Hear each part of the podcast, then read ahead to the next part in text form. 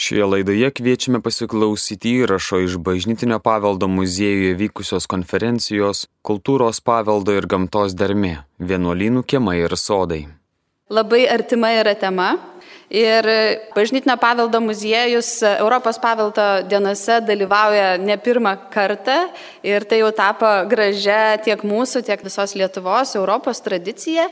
Ir šių metų tema tai yra tvarus paveldas. Ir kai mes pagalvojame apie savo muziejų, apie vienuolynus ir vienuolyjų tradiciją, tai supratom, kad iš tiesų būtent vienuolynai tai yra puikus tos tvarios gyvensenos, kuri šiandieną tikrai yra labai aktuali, yra, tai yra puikus pavyzdys. Dėl to konferenciją ir skyriam būtent kultūros ir gamtos dermiai ir kalbam apie vienuolynus ir jų sodus. Ir norėčiau pakviesti konferenciją atidaryti istoriką Lietuvos medicinos ir farmacijos e, istorijos muziejaus direktorių dr. Taurą Antaną Meką, kuris skaitys pranešimą apie dievišką žymę vaistininkystėje. Tai kviečiu. Ačiū labai. Čia turbūt šimtus metų sveikindavosi, tegul bus pagarbintas. Ne? Tai kalbant apie vienuolino sodus, vienuolino daržus, tai aš kaip vaistininkas turiu tokį labai savo smagų dalyką pasakyti. Vienas iš svarbiausių tose sodos ir daržuose auginamų dalykų tai buvo vaistingieji augalai nes tai teikiama pagalba, čia ateina nuo medicinos ir farmacijos globėjų Kosmar Damiono laikų, paskui Šventas Benediktas jau Montekasino vienuolinė šitą dalyką išplėtoja, tai kad į, į Lietuvą ateina Dominikonai, jezuitai irgi su savo vaistiniam Tai irgi buvo tas tradicijos tasa, bet visą laiką yra klausimas, kas yra pirmiau višta ar kiaušinis. Ir tas vat, klausimas, kaip žmonės pažino vaistą, iš kur atsirado tos žinios. O jeigu tu nepažįsti vaistų, tai tu išnyksti. Tauta gali išlikti tik tada, kaip jinai susiranda maisto, apsirengti ir apsiginti. Ir vat, jeigu tas apsiginimas, vienas iš apsiginimo dalykų yra apsiginti nuo lygų. Na ir va tas vaisto pažinimas. Yra visa eilė teorijų ir gyvūnų stebėjimo teorija, ir klaidų teorija, kaip tu bandai viską ir atrandi e, vaistinguosius dalykus, bet gali atrasti ir nuodinguosius, kas bus turbūt paskutinis atradimas tavo gyvenime.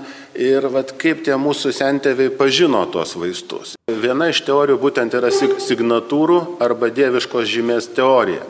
Esmė jos yra tame, kad e, kiekvienai lygai gydyti Dievas yra sukūręs vaistą, o nu, žmogus yra kvailokas, tai reikia jam parodyti, kaip tą vaistą pažinti ir va, tas vaistas pažymimas dieviškąją žymę signatūrą ir tada išrinktieji žmonės gali tą žymę pamatyti ir jau pritaikyti gydimui. Na ir viena iš tokių signatūrų tikrai visi žino, ar bent jau išbandę didžioji dalis esat. Tai yra gislotis, ne, ir kaip vertus gisločio lapą matom didžiulės išpampusias gyslas, na ir vaikystėje prasikirtus, prasidėjus kraujavimui, pirmas vaistas buvo užsidėti gisločio lapą. Tai va tas tokios signatūros teorijų pavyzdys. O šiaip jau Vaistininkistė yra viena iš nedaugelio dieviškų profesijų. Dieviškų profesijų yra kokios kelios, ne? tai yra vindarystė, paskui medžio darbai, gydimas ir vaistininkystė. Jeigu kalbėtų apie vaistininkystę, tai būtent aklojo gydimui padaryta, reiškia, Kristaus vaistai iš molio ir paskui tepama, tai jeigu kalbėtų iš vaistų technologijos pusės, tai akių tepalai viena sudėtingesnių technologiškai formų ir va, tai jau reiškia, viešpas buvo ją jau įvaldęs. Na, o viduramžiais Renesanso metu pasirodo visa eilė paveikslų Kristus kaip vaistininkas. Ir Kristus kaip vaistininkas pakelia tą specialybę į tokį kitą etapą, na ir kokios tos dieviškos žymės paliktos vaistuose. Tai vienas toks šiais laikais gal praversančių dalykų yra, kad mes dabar turim galvoti, kaip taupyti, kaip išlikti ir tam reikalingos smegenys. O smegenų signatūra tai turbūt yra ryškiausia graikinio riešutmedžio riešutė. Na, tai vat, pradarius riešutą, tai būtų praktiškai tas pas, kas mes atvoštumėm savo smegenų dėžės dangtį, ne, pamatytumėm labai panašų dalyką. Ir jaunimui, kurie ruošiasi egzaminui, tai graikiški riešutai turėtų būti vienas pagrindinių maisto produktų besirašant egzaminui, kad užkurti smegenų veiklą. Na, dar tokia signatūra čia nais ir vaistažolės, ir valgymo dalykai, kurie labai dažnai persipina, kaip Hipokratas sakydavo, kad tegul maistas būna jūsų vaistais, o vaistai maistu, tai žemogė. Ir vad žemogės signatūrą pasižiūrėjus matom ant žemogės uogos, kas yra. Tai yra kažkokia tai išsikišę tos sėklelės, o žemogė tai yra puikiausias dalykas išstumti lauk, išvalyti iš organizmo visą tai, kas yra susikaupę per ilgus žiemos mėnesius, rudenį organizmo išvalymui. Ir žiniuoniai taip visą laiką rekomenduodavo, kad anksti pavasarį reikia atsigavėti. Tai atsigavėjimas yra sulos pirmą gerą porciją, o po to rekomenduodavo taip suvalgyti 2-3 litrus miškinių žemogių ir tai labai išvalo organizmą. Dar viena signatūra dabar tikrai dažnai išgirstam žarnyno bėdas, sustorojo žarnyno, reiškia onkologiniai dalykai, viskas. Tai yra vat, signatūra tos, matom, šaknies vaizdą, tai miškinės sidabražulės, kur grinai vat, atitinka tas jau žmogaus toro žarnyno vaizdą. Ir daktarė Eugenija Šimkūnaitė tai vadino miškinę sidabražolę lietuviškojų ženčienių vaistininkas Aleksandrovičius iš Viekšnių. Apskritai visa jo vėžio gydimo teorija buvo pagrįsta būtent miškinės sidabražolės naudojimu. Ir toks tikrai įdomus ir mūsų platumose augantis dalykas. Na ir mūsų vakarietiška dabar gydimo sistema ir kaip mes žiūrime vaistinguosius augalus, susiję su vienu žmogum, kuris lankėsi 1520 metais Vilniuje ir Kaune. Kaune paskaitas keitė Rotušės aikštėje, Vilniuje nežinau kur, bet e, tai yra Paracelsas.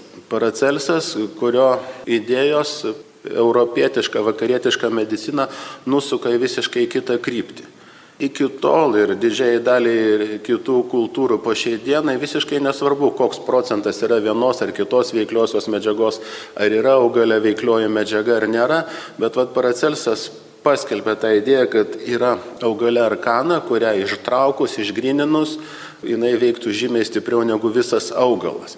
Ir tuo buvo pagrista chemiatrija, tai ką mes dabar turim savo medicinos moksle, tai didžiaja dalim yra nulemta va šitos Paracelso pranašystės. Bet Paracelsas irgi buvo signatūrų teorijos šalininkas ir aršų šalininkas. Renesanso laikotarpio apskaitai ta signatūrų teorija buvo iškilusi labai didelės aukštumas ir buvo leidžiamas net specialios iliustruotos knygos, kaip pažinti vieno ar kito augalo gydomą įveikimą. Ir Paracelsas rašo taip. Yra moterų, kurios yra išbalę, vangios, joms sunku susilaukti palikonių, jos nugeibė tokios. Ir šitom moterim reikia duoti elemento, kuris pritrauktų Marso energiją. Tuo metu tai alchemija, astrologija ėjo labai kartu. Ir vad, ko reikia, kad pritrauktų Marso energiją? Tai reikia duoti augalo, kuris turi Marso signatūrą. O koks augalas turi Marso signatūrą? Čia labai gražiai atitinkantis šio laiko vaizdus, net dalykas. Tai yra erškėtražės vaisiai, labai tikrai geras vaistas atstatyti. Geležies kiekį kraujyje yra, tai būtent tą apyvaisį išėmus sėklą sutrinti su cukrum viens prie vieno ir nekaitinus pasidėti tą ištrintą masę šaldytuvę ir kasdien po šaukštelį ir na, gali aišku pasitaikyti žmonių, kurie alergiški, labai retai pasitaiko, bet geležies kiekį atstato stulbinai. Čia tava ta Paracelso idėja apie Marso signatūrą augale. Apvalus raudonas daiktas kaip ir Marso planeta. Labai įdomus iš signatūrų teorijos pusės žiūrint augalas tai yra amalas. Ir amalas ne tik pats kaip svetimkunis, parazituojantis medyje, kas mums iš karto kelia asociaciją su onkologinėmis lygomis. Bet čia signatūrų teorija dar nueina toliau, net vienas iš vokiečių vaistų gamintojų turi visą plantaciją augalų, kurie specialiai apkrečiami amalais ir atskiras amalas skiriamas atskirom lygom. Sakysim, jeigu yra ant šermukšnio amalas, tai yra kraujo lygoms gydyti. Jeigu ant obels, tai moterų krūties vėžių gydyti ir taip toliau, tai ne tik pats augalas, bet ir dar šeimininko signatūra prisideda ir labai įdomiai susipina. Tai vėl tos, reiškia, signatūrų teorijos vienas iš dalykų. Na, prancūziškos virtuvės pasididžiavimas prancūzų vyrus padaro žavesniais, ne, negu tokie žymiai ramesni lietuviai. Tai yra šparagas, vėl turinti savo signatūras ir vėl reiškia, kaip į jį pasižiūrėsi. Atrodo, kad ta signatūrų teorija, na, užgesus, išblėsus, tai buvo kažkada, ne, taip žmonės žiūrėjo, mes dabar turim mokslą, kuris tenais nardo procentuose, cheminiai struktūrai, kas ten susideda vienas ar kitas augalas, nors man ne visą aišku, kodėl vieno augalo viena medžiaga turi veikti geriau negu kito augalo ta pati medžiaga, bet taip jau yra. Tarp šio laikinio vaistų labai pasitaiko tikrai nemenkas kiekis preparatų, į kurių sudėtį įeina margainis. O margainis tai kardus marianus, tai vat, jo digliuotoji pavyza, būtent pagal signatūrų teoriją, reiškia, yra prie durenčių šonų skausmų. Tai archeologinių tyrimų metu Lietuvoje stovyklavietės sekmens amžiaus, jeigu randama elnio ragai, tai jų galai būna nudrošti. Arba šerno iltis irgi apdroštos yra. O tai irgi lygiai pagal tą signatūrų teoriją buvo gaminami milteliai, kurie buvo skiriami prie durenčių šonų skausmų. Būtent kepenų lygos ar tulžies puslės lygos gali būti susijusios su tuo. Tai vad Kardus Marijanus labai įdomiai atliepia šitą signatūrų teoriją po šiai dienai. Na, Signatūrų teorija ne tik, kad yra pagal formą, pagal fizinę savybę, bet irgi pagal spalvą. Tai viskas, kas yra raudona lietuvių liaudės medicinoje, buvo naudojama širdies ir kraujo lygoms gydyti. O visa, kas geltona, tai buvo naudojama kepenų ir tulžies puslės, tulžies takų lygoms gydyti. Ir sakysim, vaistas kepenų lygoms gydyti reikėjo susirinkti devynis skirtingus geltonai žydinčius augalus juos išdžiovinti ir paskui juos sumaišius gerti arbatą ir tai turėjo padėti sergant kepenų lygomis. Tai visiškai nesvarbu, kokie tie augalai, bet svarbu, kad būtų skirtingi, devyni ir geltonos spalvos. Tai irgi va ta signatūra yra persipinus. Na ir prie geltonos spalvos reikia dar vieną signatūrų teorijos tokį labai svarbų augalą, tai yra jonažolė. Geltonas kepenis, tulžies takai. Ir kitas dalykas, pažiūrėjus prieš saulę į jonažolės lapus, matom, kad tarsi jie yra subadyti. Hypericus perforatus, taip ir latiniškojim pavadinime tas atsispindi. Ir į jonažolę ne tik, kad pagarbiai reikia žiūrėti, bet aš visą laiką žiūriu su didelė nuoskauda, kaip baigęs farmacijos mokslus Labanoro gyrioje einu ir viską žinau, visus augalus pažįstu, žinau, ko kaupia, o mačiutė renka jonažolės ir aš jau prieėjęs klausiu mačiuto, kam jūs naudosit. Aš sako, sunalė, kai tau ant dušas negerai bus, tai va išvirkto žiemų ir linksmiau pasidarys. Galvoju, durna boba. Tai čia yra prieš uždegiminis dalykas, ko jinai čia nais randa kažkokius antidepresantus viskas. Už trijų metų vokiečiai jonažalės aliejų pradeda naudoti būtent nervų lygų gydymai kaip antidepresantą ir šiuo metu tai yra pats populiariausias augalinės kilmės antidepresantas visam vaistų pasaulyje. Tai nereikia būti mandramo. Dabar kas bendro su to skilėtais lapais ir mūsų ta nuotaika ar su geltonais žiedais ir ta mūsų nuotaika. Tai žaizdos būna ne tik fizinės, gali būti sušaudyta ir mūsų dušė. O iš kitos pusės būtent bloga nuotaika, piktis irgi senoje medicinoje humoralinėje teorijoje siejama yra su tulžies ir kepenų veikla. Jeigu pa žmogų pažeistos kepenys, jis yra piktas, nervuotas, jo humoras yra ypatingai kandus ir kitiem nemalonus, tai jeigu jau toks žmogus pasidaro po truputį, tai galima jam aišku patart susidomėti savo kepenų būklę, bet greičiausiai, kad ta kepenų būklė jam pasakys, kad ne tavo čia reikalas, neaiškintų man viskas taip toliau, bet tai vat, ta geltona spalva irgi toksai įdomus dalykas iš, iš signatūrų teorijos daržo. Na, o šita signatūra, tai viena iš nedaugelių sėkmių mano profesiniai veikloje. Tai Dzukijoje, kai kaiminė sodybos materiškė sako, nevirškinu, čia taip negerai darasi, man čia stovi viskas išbalus, tokia viskas. Ir dabar, na, pakalbėjom, pakalbėjom ir žiūriu, šalia jos darželis nuo nasturčių, nuo oranžinį ir jos veidas grinai kaip nasturtės tas žiedas. Parlėkiu į sodybą, pasiskaitau literatūrą, akurat nasturčių lapų arbata yra virškinimo sutrikimam viskas. Na, aš važiuoju su dviračiu pasisakau, ponia, pasidarykit to šviežių, vat, nasturčių lapų arbatos, viskas pabandys. Už dviejų dienų atlėkė su samagono buteliu, sakė, kai pradėjo veikti viską, čia kaip sujudo viskas. Tai iš tikrųjų, vat, kartais verta pasižiūrėti Daktarė Bulvočiūtė šitą sako, einu ir vat, matau augalą, bet man jo nereikia, bet nu kažko patraukia dėmesį. Na nu, ir praeinu pro jį. Kitą dieną ateina žmogus ir prašo manęs būtent vaistų, vat, į kuriuos sudėti tas augalas įeitų ir aš jo neturiu.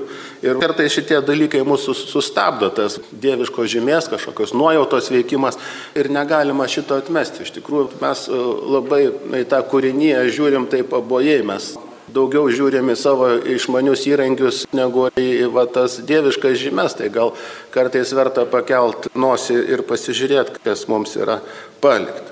Na, Yra kelios karalystės vaistininkystė. Jeigu žiūrėti iš senos jau vaistininkystės, tai buvo augalų karalystė, gyvūnų karalystė ir mineralų karalystė. Ir kiekviena ten turi savo atstovus, bet augalų karalystė apie 1967 metus skilo į dvi, tai grybų ir augalų. Ir va ta grybų karalystė yra labai įdomi.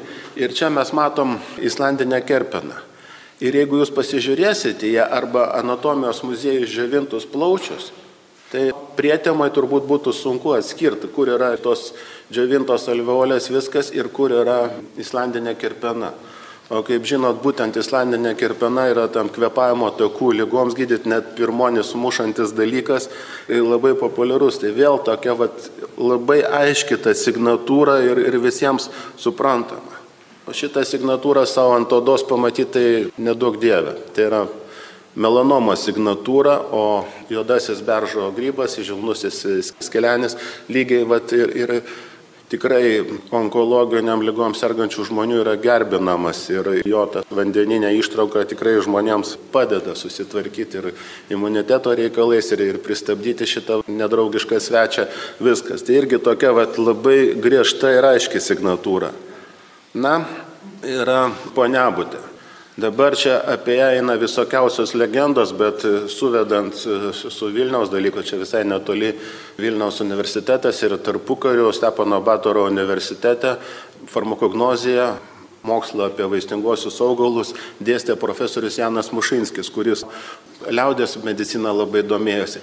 Ir aprašė Vilniuje vaistažalių turguose parduodamus augalus, kam, reiškia, žmonės jos vartoja tai būtent prie paprastosios poniabodės buvo užrašyta, kad vietiniai ją naudoja nepadarioms lygoms gydyti. Tai galim turbūt įsivaizduoti, kad tai yra venerinės lygos, ne, ar tenais reiškia dar kažkas panašaus. O dabar poniabodė tai vėl yra pasižiūrėkit internete, kai žmonės du dalykai dabar labai svarbus pasidarė, tai bebros roglė ir poniabudė. Šiemet gal kaip sausa jos nebus, tai mažiau nukentės, bet taip jau yra.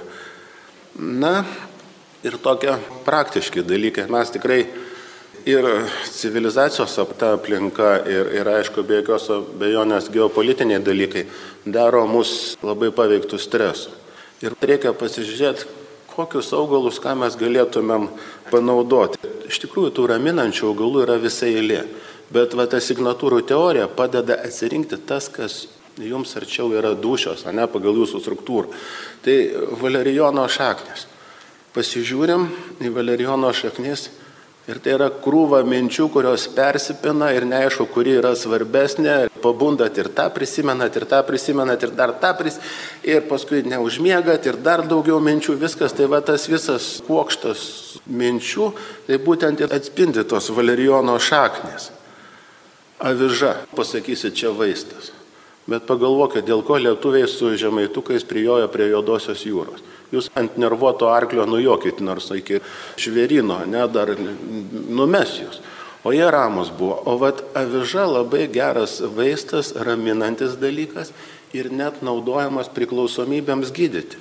O kokią signatūrą matom? Tai yra kūdas, vėjo perpačiamas žmogus, dažnai priklausomybės tą vat, figūrą tokią padaro iš žmogaus, labai kūdas, palinkęs, blaškomas visokių aplinkinių dalykų ir nebūtinai vėjo. Tai vad avižos signatūra.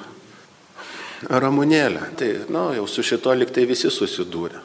Bet kam Lietuvoje buvo vartojama? Ne, tai, kad praskalaut, kai ten pilva popą ar dar kas nors. Dantims dykstant, pas geriausias vaistas. O signatūra graižos pasižiūrėkit, ramunėlės, tai būtent sveiki, gražus dantis. Nu, dantų dygimas, nu ir paskui, aišku, implantų dėjimas, tai yra irgi žiaurus stresas, ne, kuris mus paliečia. Tai yra tas ramunėlės raminančios signatūra. Apinys. O čia prie ko pasakysit? visą laiką ginčiuosi su aludariais. Aludariai sako, kad apinys dedamas į alų dėl technologinių dalykų. Bet jeigu aš moteriškos auditorijos dalies paklausčiau, kas jums nepatinka aluje, jūs atsakytume tai, kad alus yra kartus turbūt, ne didžioji dalis. Tai kokio velnio dėti daiktą, kuris pusė auditorijos nepatinka. O matyt, prieš kokius 10-20 tūkstančių metų kažkoks protingas valdovas privertė aludarius dėti į alų apinius, kad prisisprogę žmonės neįtų ten visko daužyti. Viskas labai gerai raminantis dalykas. Kodėl dabar kokio perkūno ar tenais tornado išgeria daužo, tai niekas nesako, kad ten būtent yra apiniai. Gal daiktas panašus į ginklą, daiktas panašus į apinius, yra irgi tokie dalykai. Bet dabar apinio signatūra, tai yra žmonių, kuriam reikia autoriteto, kurie turi apie jį vytis, kuris, ai, aš nežinau, bet va šitas tai jau pasakė, tai dabar tikrai čia, net, nu, jau, jau taip jau. Viskas. Tai va ta apinio signatūra, va ta reikia kaip tam stulpo šokėja, net to štakėto, apie kurį galėtų suktis, tai va tada žmonių, kuriam be atsiriamimo į kažkokį autoritetą, jie jokios minties neturi viskas, tai čia būtent yra ta apinio signatūra. O šiaip apinys yra puikus raminantis vaistas. O signatūrų teorijos karalienė ir čia labai atitinka vieta, kur vyksta šitas mūsų susitikimas, tai yra pasiflora. Kokia čia nais yra signatūros? Jis buvo atvežta į Europą kaip religinius jausmus žadinantis augalas.